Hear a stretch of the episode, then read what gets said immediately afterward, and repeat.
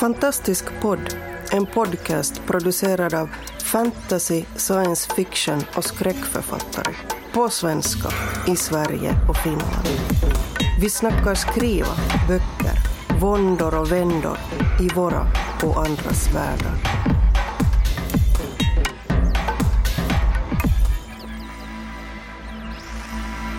Hej och välkomna till ännu ett avsnitt av Fantastisk podd. Idag så är det Stockholmsteamet som gästar dig i dina öron. Jag heter Oskar Källner och med mig har jag Marcus Sköld, Boel Berman, Anders Björkelid och dessutom så gästas vi idag av en eminent gäst, ingen mindre än Tony Elgenstierna. Mycket välkommen hit. Tackar, Välkommen! Välkommen! Välkommen! Och eh, det är extra kul, kul att ha Tony med oss här idag. För idag tänkte vi prata om apokalypser och eh, postapokalypser. Eh, grejer. Ja, nu, vad är det egentligen en, en vad, vad är det för skillnad på en apokalyps och en postapokalyps? Boel, du som är distinktionsmästarinna. Sätta dit dig där. Ja, Oj, det, det, det kan alltså, passa på när jag har chansen här. Alltså, vad, vad jag skulle säga är väl att en apokalyps alltså, pågår, sker, in action. Eh, att, eh, ja, att det är mycket running and screaming. Eh, mycket försöka lösa situationen, rädda världen. Eller inse att man ser den oundvikliga undergången. Medan postapokalyps är ju ändå överlevarna efter en katastrof som kämpar ja, mycket för att överleva och för att bygga upp något nytt. Men det är innan det har blivit ett samhälle och en vettig värld. Så skulle jag definiera det, men det är inte säkert att ni håller med. Eh, Marcus, jag vet att du hade kanske ändå...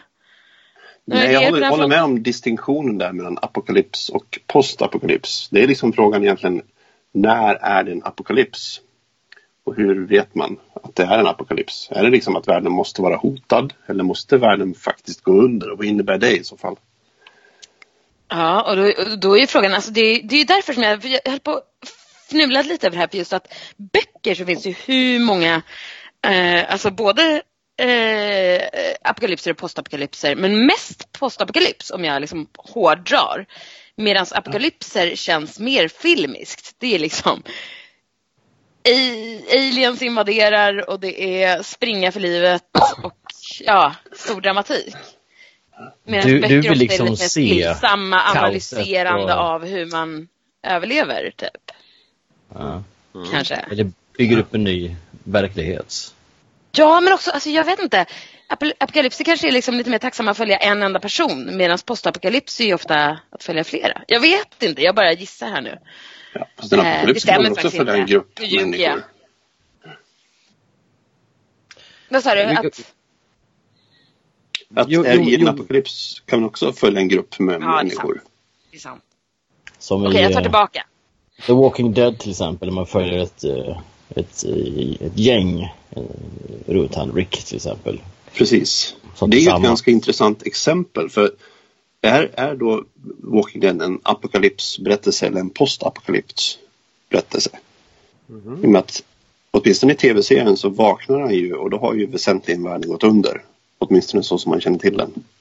Jag säger definitivt ja. postapokalyps. Det kräver ju några överlevare för att det ska vara en postapokalyps. Annars finns det ingen story.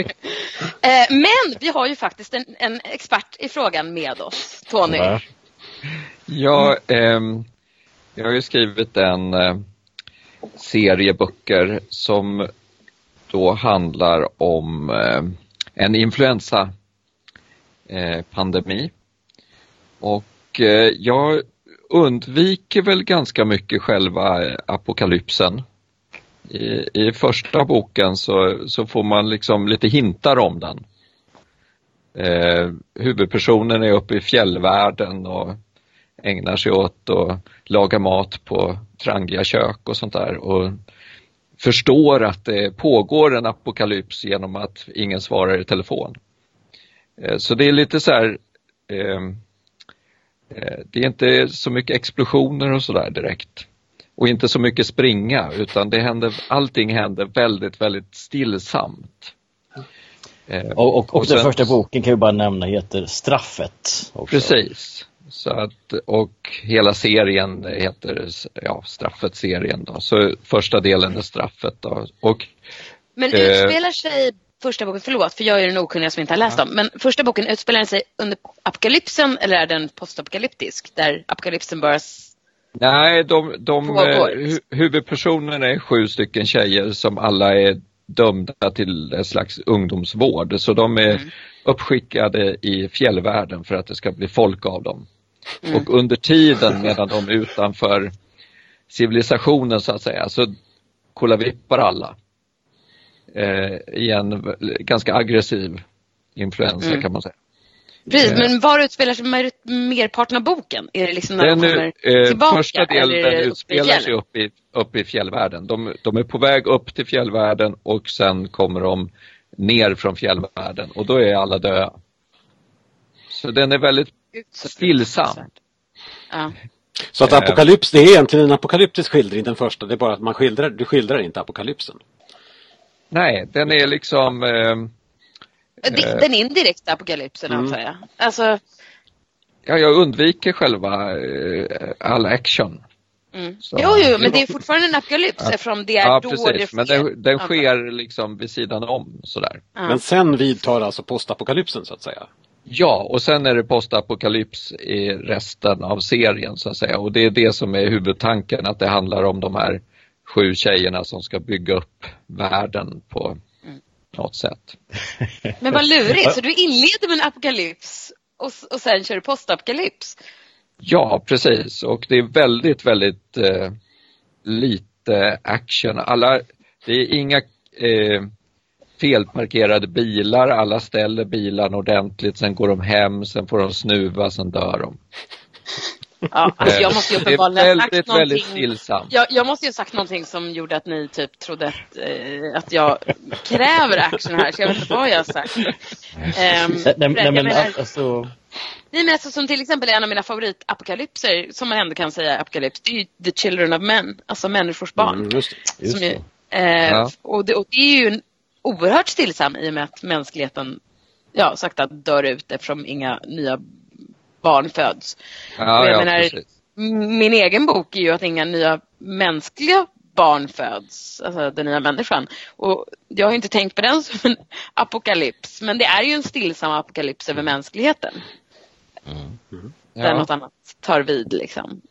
Så eh, en apokalyps behöver absolut inte vara speciellt dramatisk men den behöver leda till utplåning av större delen av mänskligheten eller en bekämpning av det antar jag.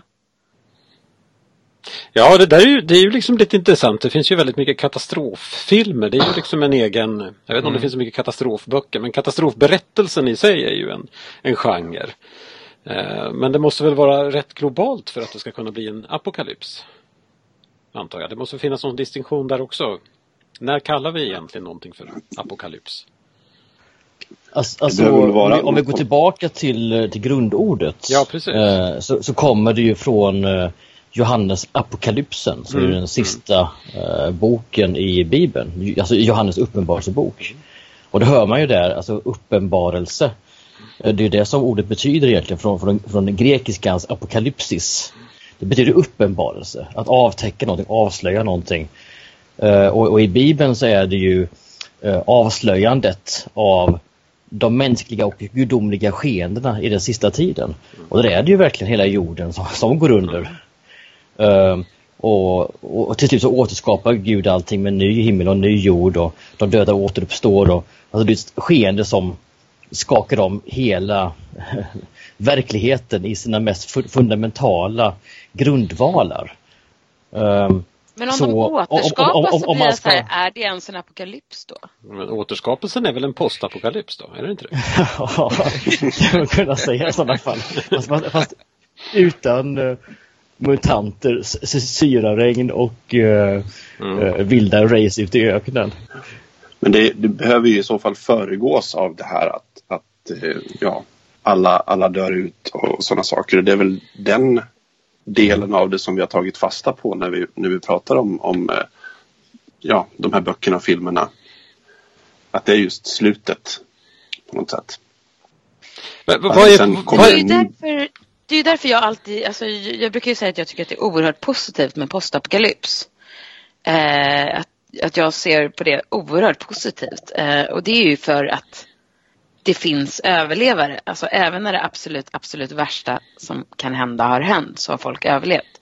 Sen är det ofta en väldigt liten del av mänskligheten tyvärr i, i fiktionen. Men, men, men fortfarande så finns det ju något slags hopp. Och det finns ju hopp även i apokalypsen för att folk kämpar. Um, så att, jag vet inte, ingen av de här är direkt negativt för mig så länge folk gör någonting. Jag antar att det finns sådana som jag tycker är jättedystra också. Men, Alltså, jag, jag, om jag får gå tillbaka igen till alltså, Bibelns uppenbarelsebok. Mm. Alltså, det, det, är ju en total apokalyps där. Vi har ju till exempel, det, det är därifrån de här fyra ryttarna kommer till exempel. Eh, krig, mm. svält, pest, döden eh, och de här. Så, så det är klart att det är en total apokalyps. Men jag tänker också att det finns någonting i grundtanken med uppenbarelse. Jag tror att eh, faktiskt mycket av eh, varför sådana här skildringar är populära idag i vår populärkultur. Därför jag tror att när man skalar av eh, vår civilisations fernissa, när vi eh, undanröjer eh, alla dessa grundläggande pelare i vårt samhälle som vi tar för givet, eh, Eh, när, när det svenska välfärdssamhället och den globala ekonomin inte finns längre. Vad finns kvar då? Vilka är vi då? Och jag tror att det är i det skenet som man kan, eh, man kan få nya spännande perspektiv och kanske en uppenbarelse eh, över vilka vi är, vilka vi skulle kanske kunna vilja vara eh, om vi får så att säga en andra chans på civilisation. Åh, det var så fint och jag, jag håller med. Men, de, men man måste bara klara mat för dagen och vatten först. ja, men, men, men, men jag tror att folk ganska snabbt skulle börja fundera kring vad är det vi vill? Hur vill vi leva?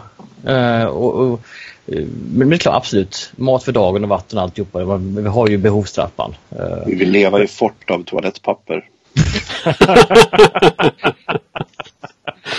Konstigt. Nej, men alltså, jag tycker att det är, jätte, alltså, det är jätteintressant och, och jättespännande. Speciellt när det är så här med katastrofer. Att, eh, alltså, enligt forskning visar det ju att vi människor bryr oss förvånansvärt mycket om varann.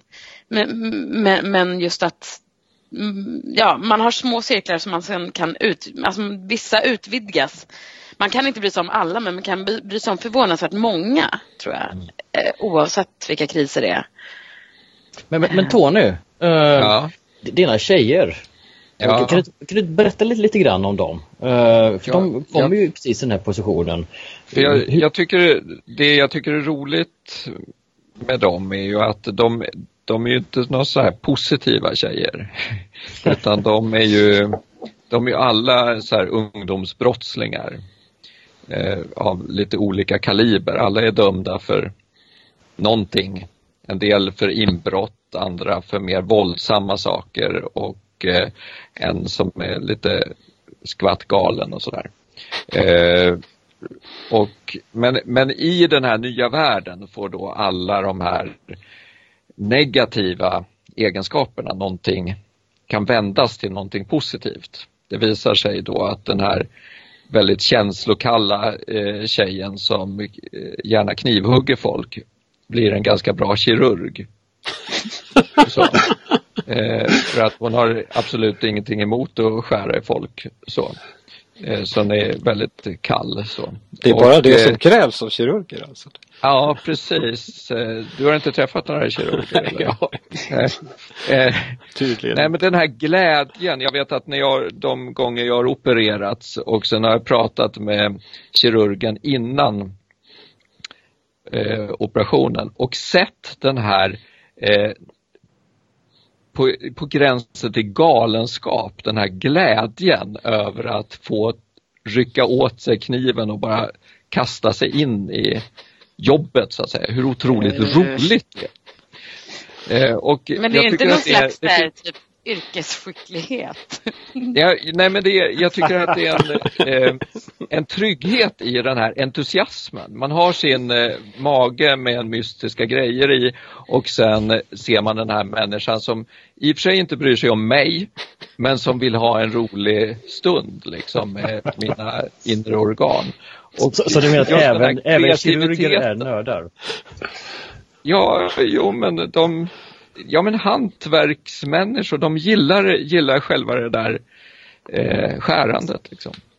Eh, så att eh, ja men det är det man behöver, lite kyla och kunna fokusera på det där. Man vill ju inte ha någon som håller på och småpetar i magen och säger Åh! eh, eh, så att eh, den egenskapen har hon och eh, sen har en en som älskar pengar som gör mycket eh, inbrott och sådär, samlar på, på sig guld. Hon skapar lite så här av ett bankväsende är det tänkt. Så. Mm. På sju jag tänker, pengar kan inte ha så mycket värde men guld kanske fortfarande, ja. Ja, hon håller på att jobba upp den där ekonomin. Det är lite klurigt mm. så. Eh, man ska ju helst ha lite folk också.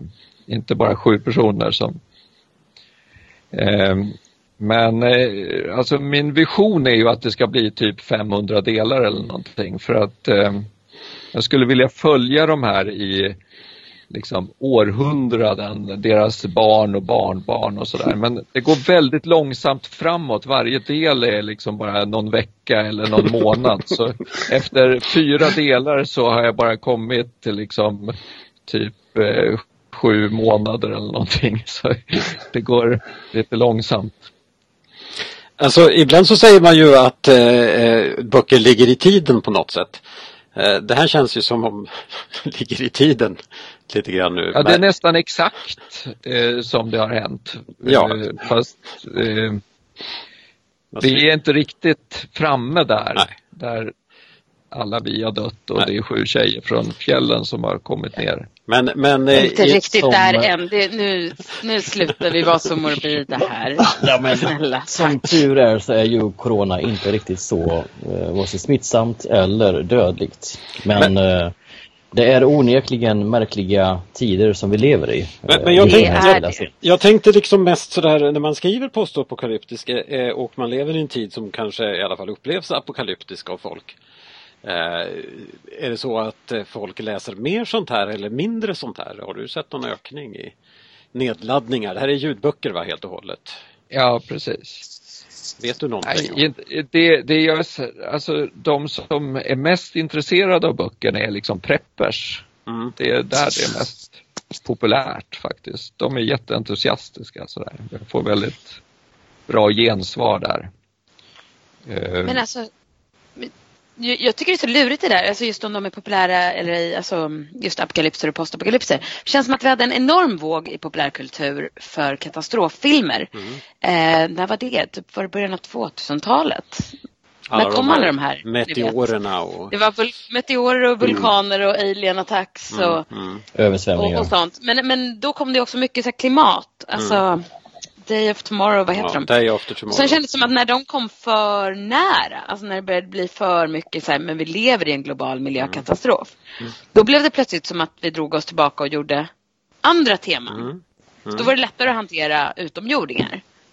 Mm. Eh, Man kan ju se alltså, på iTunes eh, topp 10-lista nu så ligger ju Contagion från 2011 på om det var andra eller tredje plats sista kvalet. Det motsäger ju lite grann Boels teori då i så fall. Att... Ja.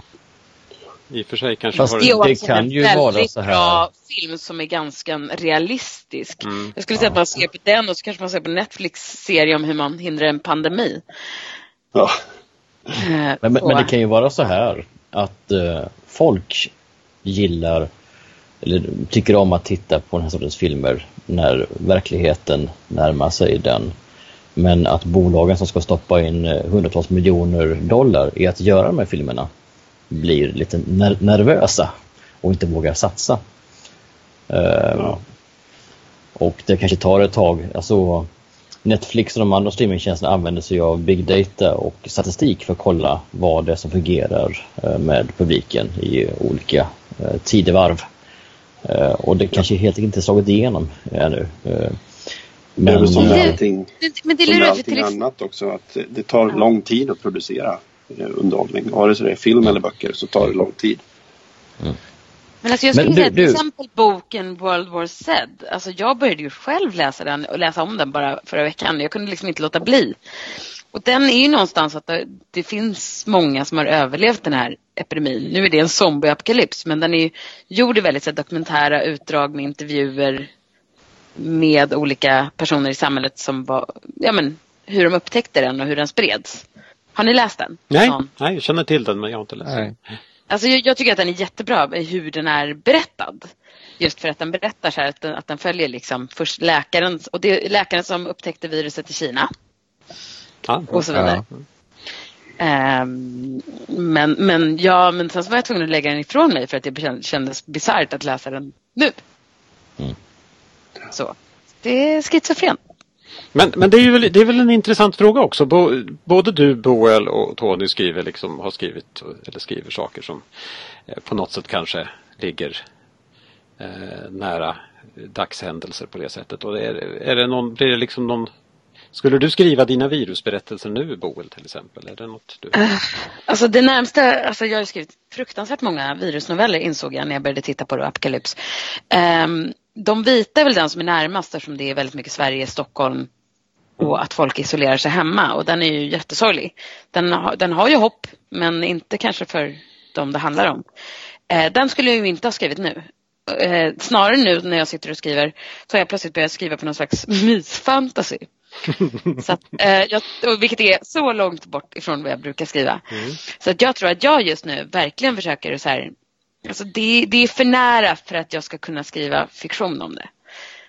Eh, så därför så föredrar jag att uppfinna en ny värld, fantasyvärld där skogarna vandrar. Liksom. så. Eh, det är en försvarsinstinkt tror jag. Mm. Tony, du Men, då? Jag, alltså, jag tror att Alltså min serie är ju väldigt, alltså det är ju väldigt lite av det här eh, apokalyptiska liksom. För att de är ute eh, uppe i fjällvärlden först och sen kommer de tillbaka och då sitter de på Ikea och äter chips och tittar på tv-serier. Eh, så det är väldigt lågmält allting. Eh, och sen så småningom så kommer de igång med det här med att bygga upp någonting nytt. Och, och den delen kan jag väl tycka känns, känns väldigt bra hur som helst. Även där vi befinner oss nu så tycker jag det är viktigt att, att liksom ha någon fokus på vad gör vi av det här sen? Liksom, var, vart är vi på väg i det här? Att försöka göra någonting positivt, bygga positiva grejer mitt i det här eländet så att säga. Men Tony, jag har ju lyssnat på dina böcker. Jag gillar dem skarpt. Så det, men jag är ja, lite tack. nyfiken uh, just på det här stillsamma. För du beskriver verkligen i böckerna hur folk liksom, de har verkligen gått hem, de har uh, lagt bilnycklarna i skålen innanför, ja. dörren, de har gått upp på rummet och dragit täcket över sig och sen har de dött. Och hela samhället verkar väldigt stillsamt så här och somnat in. Ja. Att, det, det, känns som att du har gjort så väldigt medvetet som en kontrast mot... Ja, jag, de... Jo, men jag kände att jag, jag ville inte ha det här med bilar som står snett på motorvägar liksom. Eh, så, som är det jobbigt för ditt ordningssinne? ja, precis. Nej, men jag ville få bort det där. Jag ville inte liksom fokusera på det. Eh, eh, utan Eh, ja, men det låter ju mer realistiskt, alltså mer, mer närgånget på det sättet. Ja, och, och sen kan man fokusera lite mer på, på de här liksom, beskrivningarna av de här människorna som ligger och, och har dött stillsamt, men det är ju ändå fruktansvärt givetvis. Och, ja, det blir ju väldigt eh, personliga scener med huvudkaraktärerna när de får och söker upp sina familjer eh, i hopp, ja, bort, precis. Hopp att de kanske ändå har överlevt och, och finner dem. Och de ja. har ju inte överlevt. För då blir liksom fokuset på det liksom istället mm. för någon slags eh, kaos liksom. Mm. Bara, bara, en fråga, en, en rent ja. uh, så jag undrat när jag har lyssnat på det här. Och jag vet inte om du har uh, gjort en del av ditt, ditt versbygge än, men bara undrar, kärnkraftverken? alltså, alltså jag älskar ju kärnkraftverk så att, ja. eh, så att eh, nej, men, nej men jag har, alltså kärnkraftverk är ju liksom, passar inte riktigt in i det här för de är liksom stora och sådär. Ja, så de kärnkraftverk ju... skriver jag om i... I, i värsta fall radioaktiva också om inte saker och ting sköts och stängs ner på rätt sätt. Bara typ sådär. Ja. Eh, men eh, Nej, inga mutanter i framtiden då i alla fall i den här. Jag tänkte precis säga, det tar vi mutant istället. ja, precis. Nej, men jag det... tror, alltså här blir det liksom mer eh, Nej, det blir lite mer eh, det, det, jag vill fokusera just på det här eh, lilla bygget och sen interaktionen mellan de här eh, brottslingarna så att säga som växer med uppgiften. Men de är ju lite griniga ändå så. De, de här tjejerna förresten, har du inspirerats ja. av verkliga personer du mötte i ditt yrkesliv eller uh, hur, var, var kommer de ifrån? Mm. Ja men eh, Jo, Direkt men då, efter att han har döpt dem som griniga. Mm. Det är gamla, det är gamla elever allihop. så att, och de, de känner till det och så. Så att okay. jag, eh, jag hade den, en klass i en kurs som heter litterär gestaltning. Och sen gav jag dem i uppdrag att skriva noveller om andra personer i klassen med, med deras riktiga namn och så. Och under tiden så satte jag mig och började skriva den här historien med, med, med de här personerna. Så att alla namn eh, kommer, eh, eh, kommer från eh, elever i den gruppen, förutom en. Eh, för att jag tyckte det var så pinsamt att låta dem ha sex. Så det finns en som har, eh, det är bara en tjej som har sex. Eh, och hon är inte från den klassen. Hon är påhittad. Hon är påhittad. Men alla andra är precis, nej de är, de är inte särskilt lika förlagorna så. Men eh, eh, det är, ja, det började så i alla fall. Det låter jättekul. ja, bra. De är inte ungdomsbrottslingar någon av dem kan vi säga nu. Nej, inte vad jag vet. Så. Det var de inte då i alla fall. Men ja, postapokalyps och så sa vi inga mutanter. Det fick mig tänka på Marcus, zonen vi ärvde. Har vi skrivit postapokalyps ja, just det, i Sverige? Det också. Ja, det stämmer. Ja. Hur, hur ser du på postapokalypsen? Ja, eh, det verkar trevligt. Nej, inte vet jag vad ska jag säga. ja, men din vision av det, det du skrev till exempel. En värld fylld av röta. Men det är ju mutantvärlden. Ja. När vi skrev Zonevärld, det, det skrev vi för att det skulle utspela sig i eh, MUTANT och Warrenholms rollspelsvärld. Och jag tror att eh, när jag jobbade med, med de novellerna så då var det liksom mera jag tänkte mera MUTANT än jag tänkte att det här är en postapokalyptisk värld. Även om mm. det båda är ju sant på något sätt. Um, men det är vissa saker som, som uh, återkommer liksom så att, att uh, man känner igen uh, föremål och byggnader och så vidare som man efter apokalypsen kanske inte riktigt vet vad de var till för och sånt. Ja, det som också var återkommande det är väl det här med att, eh, alltså att bli utestängd ur den trygga säkerheten eller att vara utanför. Ja. Är det inte så i båda dina noveller att det är ganska mycket så här, alltså, vad ska man säga, ja, utifrån precis. perspektivet från enklaven? Ja, i synnerhet, eh, eller ja, temat förekommer väl i båda, men det är ju liksom en, en, ett vanligt hot. Om, om världen utanför är väldigt hotfull och farlig så blir det naturligtvis ett ett hot om man eh, riskerar att, att bli utestängd från, från tryggheten. Mm. Nej, för jag tänkte på Tonys böcker, alltså vad hårt det måste bli till exempel om, om de plötsligt körde Flugornas herre, det kanske de gör, jag har inte läst det, och slänger ut en person som får liksom klara sig på egen hand. Alltså hur, hur, undrar hur länge den personen skulle överleva i postapokalyptisk Sverige. Det är svårt att vara en, ensam. Ja, det är det naturligtvis. Det kanske Tony ska svara på. Ja, i, i, i, en, en del av den är det faktiskt en som blir ensam, men Alltså de är ju hårdingar det här va. Det är inte liksom vilka som helst. Det här är ju mina gamla elever liksom. Ja. De har klarat av en kurs i litterär gestaltning för mig. Så att, Då klarar man allt. Ja, verkligen. Eh, nej men de är ju liksom, även om det är en som är väldigt känslokall så där så är alla ändå liksom, det är hårdingar där.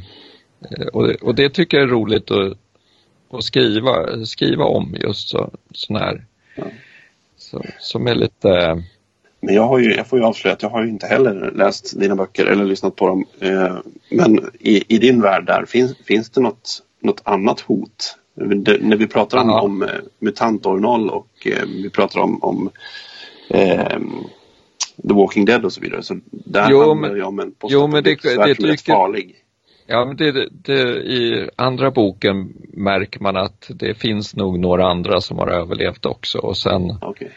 i tredje boken så stöter man på då en annan grupp som eh, de försöker, ja, ska interagera med på olika sätt och där, där uppstår en hel del konflikter för eh, de är inte riktigt som de här sju tjejerna kan man säga. de har en ganska vilt annorlunda filosofi kring eh, just ja. det här. Hur, hur ska återuppbyggandet se ut? Precis. Vilka, återigen ja. där, vilka vill vi vara? Och hur, ja, precis. vill vi gå in i framtiden härifrån?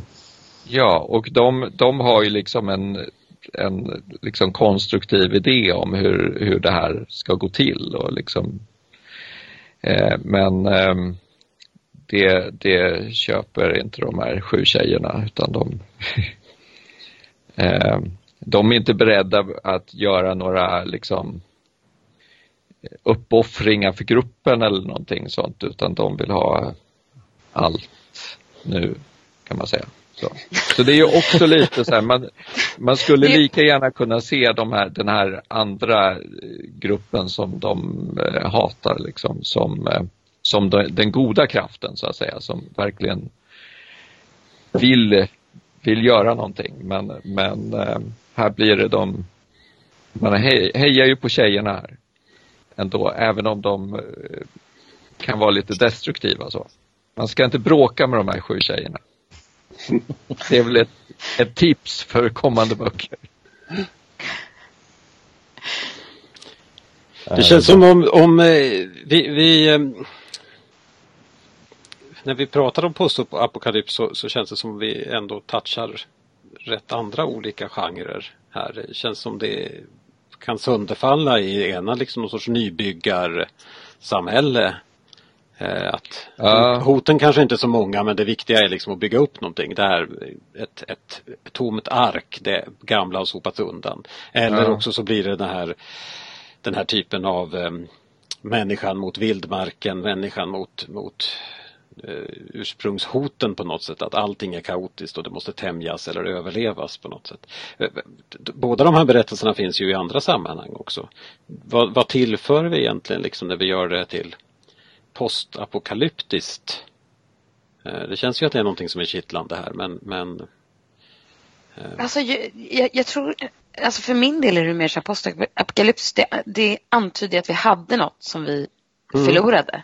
Och antagligen har vi förlorat det av egna, alltså det stämmer ju absolut inte på all postapokalyps såklart, men alltså vårt eget agerande kan ha lett till att mänskligheten förlorade allt det vi hade. Liksom. Mm.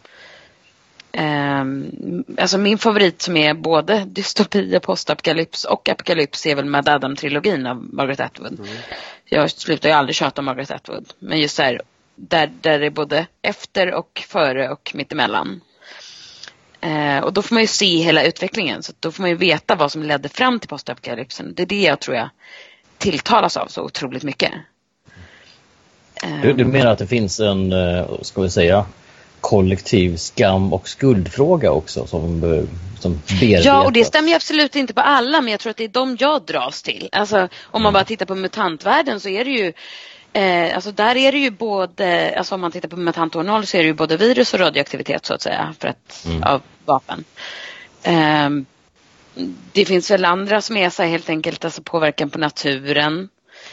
Eh, krig och katastrof som utlöses av mänsklighetens girighet efter olja. Det är väl typ Player One. Eh, alltså, och sen alla virusfilmer kan man ju tolka som att det är alltså alltifrån immunitet mot alltså antibiotikaresistens eller sådär, eller genmanipulering eller kemiska stridsmedel. Alltså, mm. det, det, finns ju ofta någon anledning som är mänskligt skapad. Inte alltid, men ofta. Mm. Ja, men är inte det, det en, en som... grund... Förlåt. Nej, nej, är inte det någon grundläggande sak här då som vi ser i, i apokalypsen? Att vi vill gärna att det ska vara vårt fel på något plan. Eh, För att kunna göra botgöring ja, och skapa något nytt? Ja, man går tillbaka till typ syndafloden och sånt där. Att man vill gärna att, att naturkatastrofer också ska vara orsakade av någonting. Eh, att, att eh, det ger oss ändå någon form av kontroll. Det är ju inte så ofta vi har det är inte så stora skildringar som har handlat bara om att någonting går åt skogen för, för eh, att... Och slumpen. Slumpen, ja precis. Så jag menar de, de filmer Utan som... vi vill ha ett meningsskapande ja, meta-narrativ som eh, ger oss en riktning även i det kaotiska. Om man tänker sig det närmaste vi har där så, så kan man ha de här eh, båda eh, Hollywood eh, actionfilmerna om eh, asteroid, meteornedslag, vad de nu heter. Eh, jag har glömt dem. Armageddon. Armageddon. Armageddon. Deep Impact mm. kanske den andra heter? Någonting? Deep Impact, ja. ja just det. Eh, båda de är, är, ju, är ju någonting som är väldigt svårt att föreställa sig att det är vårt fel att det dimper ner en rymdsten på jorden. Men ingen av dem går ju hela vägen eh, utan eh, eh båda de eh, eh, leder ju till att, att hjältar på något sätt räddar världen.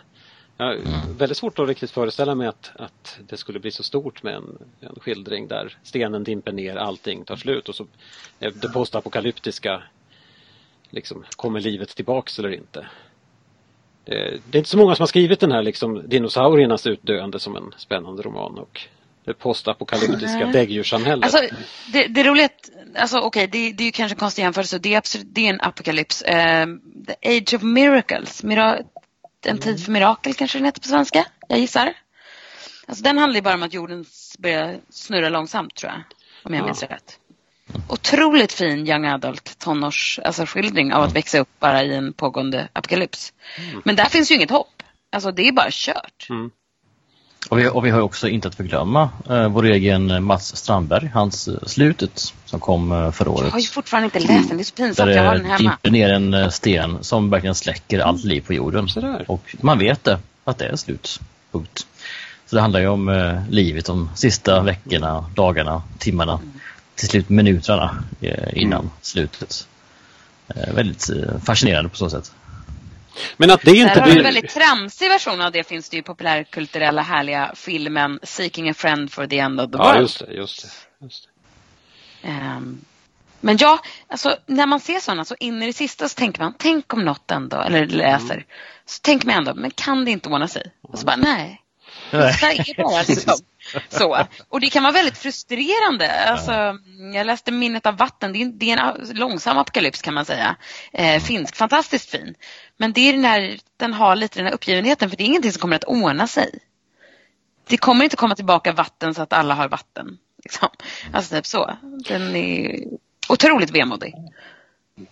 Då kanske det är liksom olika berättelser. Den ena berättelsen handlar om, om vår egen dödlighet på något sätt. Att det, det är ingenting vi kan göra någonting åt. Och den andra handlar liksom kanske om hoppet för samhället och mänskligheten och fortlevnaden på något sätt. Det kanske är därför det blir olika. Ja, att det kan finnas ett, ett varningens ord med i vad man vill säga mm. där. Att man mm. ska eh, bättra sig eller Precis. tänka på det här. Men jag tänker på eh, Night of the Living Dead. Ja, just det. Första. Den, är ju, den har ju ingen som helst förklaring till vad det är Nej. som händer. Det bara händer. Och den är ju Ja, det är, det är verkligen en klassiker. Men den handlar ju samtidigt lite grann också om vad vi människor gör med varandra. På något sätt vilka precis. vi identifierar I det kaotiska. Fienden, I det kaotiska, ja. Precis. Mm. Ja, Hörni, vet ni vad? På tal om kaos. Uh, vår tid är ute. Nej, kan inte alla bara tipsa om några så här, någon eller några favoriter? Postapokalyptiska favoriter. Postapokalyptiska ja. favoriter, ja. Apokalyptiska eller postapokalyptiska? Kör Boel, ja. det är du som börjar. Jaha, det var väl... Eftersom du tog det. Eh, ja, alltså, eh, Player One är nog min favorit apokalyps. Eh, inte att missta för Ready Player One. Eh, det är ett gäng människor som möts av olika anledningar på en flygplatsbar. Och sen det, börjar det ske saker som inser att planen kanske aldrig mer kommer lyfta och de kommer ha det svårt att ta sig därifrån. Um, alltså jag tycker att den är fantastisk för att den berättar samma scener om och om igen. Uh, fast ur olika perspektiv. Det låter jättekonstigt men det funkar. Det är verkligen det slutna rummet-boken. Mm. Um, och jag försöker komma på, för det är verkligen en författare jag tycker om, men eh, någon annan får prata nu. Men sen måste jag slå ett slag för Stockholms undergång. Jag vet inte om det räknas som en apokalyps eftersom vi inte vet om hela världen ryker med. Men eh, eftersom det är att vi förstör Stockholm på så många olika sätt som man kan begära. Ja. Den var jättekul. Den minns jag väl. Den var rolig. Jag tänker på um, The Girl with All the Gifts och um, The Boy on the Bridge uh, av M.R. Carey. Uh, några av mina favorit postapokalyptiska berättelser kan man väl kalla dem. Just det. Jag kan eh, nämna annars en av mina favorit, eh, det är en apokalypsfilm i sådana fall. Eh, där jorden sakta men säkert går under. Och den här gången är det faktiskt elaka aliens from space. Eh, jag gillar den här, eh, vad heter den? Edge of Tomorrow från 2014. jag tror du skulle säga Mars Attacks. den också. Ja, nej, man, man, kan, man kan säga vad man vill om uh, Tom Cruise och allt uh, skumt han håller på med.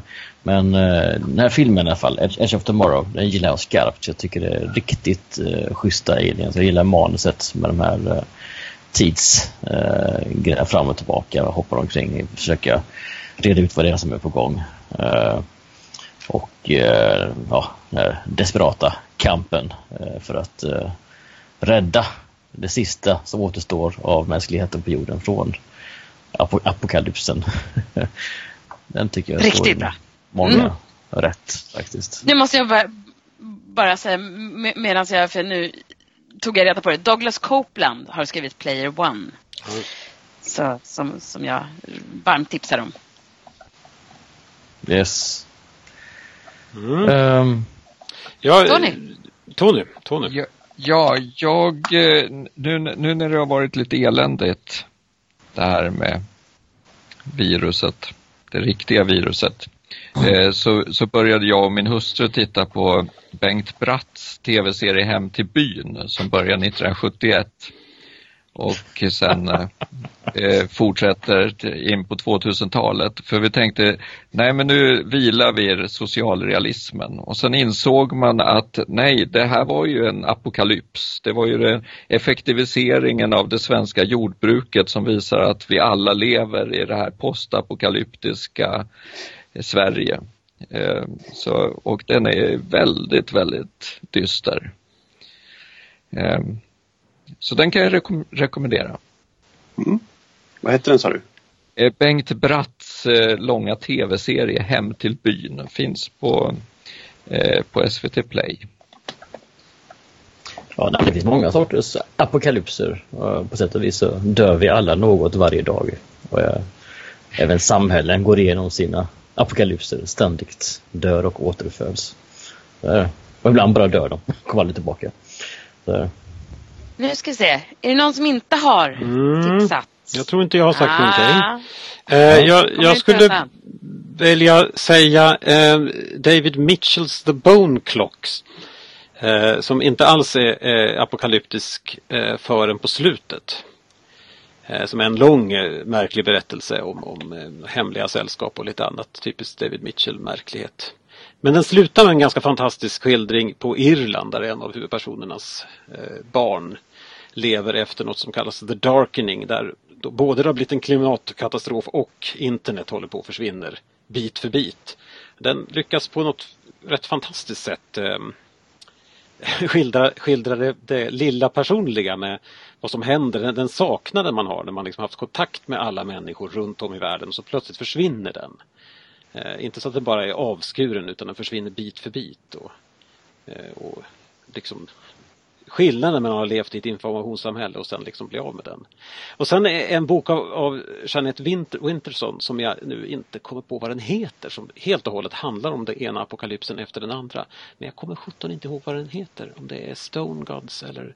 Nej, tyvärr. Jag, vad, vad heter författaren nu blir jag nyfiken. Winterson. Jeanette Winterson. Winterson. Um, Sex and the Cherry och Orange isn't the only fruit och liknande mm. saker. Hon är ju lite, så här, lite gränsöverskridare mellan genrer. Ah. Eh, men jag, jag, kommer inte ihåg vad den heter nu. Nej. Ja, den ligger någonstans här hemma. Men den är, den är också kan... fantastisk för den handlar om, om upprepade apokalypser på olika världar där de är människotillverkade eh, på olika sätt och oundvikliga men, men på något sätt också hur mänskligheten sprider sin egen apokalyps till andra planeter. Eh, utan det är riktigt intressant. Ja, den är jätte, jättebra, väldigt kort och eh, extremt sorglig men, men vacker också. Men eh, vi får väl ta det i eh, anteckningarna till. Jag tänker att vi kanske samlar lite fler mm. tips och, ja. i, och lägger upp på bloggen. Vi lägger en lista. Det får vi göra. Det låter som en bra idé. Det, det, det var ett tag yes. sedan vi gjorde något. För nu kommer jag på såklart att men jag har inte pratat om första hästen blå gryning och så har jag inte skrivit någonting och så har jag inte sagt blå som är climate fiction som också är jättebra. Vi får ta så en lista hör jag. Annars ja, jag... får, vi aldrig slut på oss själva. Kanske lite lätt. Vi fixar en lista. Det blir bra. Bra. Yes. Ja, bra. Tack så mycket. Tack så mycket alla kära lyssnare. Så får vi säga hej då för denna gång. Hej då! Hej då! Hej då! Hej då! Ta hand om er! Du har lyssnat på Fantastisk podd om du trivdes i vårt fantastiska poddsällskap och vill ha mer så hittar du äldre poddar och information om oss som deltar på vår hemsida under fantastiskpodd.se och på vår Facebook-sida Fantastisk podd. Har du frågor eller förslag på vad du tycker att vi ska tala om, hör gärna av dig antingen på Facebook eller via kommentarer på hemsidan. Vi hörs! Hej kära lyssnare! En liten sluthälsning så här från oss på Fantastisk podd. Det är som vi har nämnt i det här avsnittet en annorlunda och bitvis omvälvande tid vi befinner oss i. Så om det är så att du eh, har hamnat hemma vid, passa på att läsa lite böcker, se på film, spela tv-spel eller vad det nu är som du brukar göra för att slappna av. Eh, passa dessutom gärna på och eh, stöd någon av dina favoritförfattare genom att eh, läsa, lyssna eller låna en bok. Och glöm inte att tvätta händerna. Ta hand om er och ta hand om era kära med önskningar om allt gott.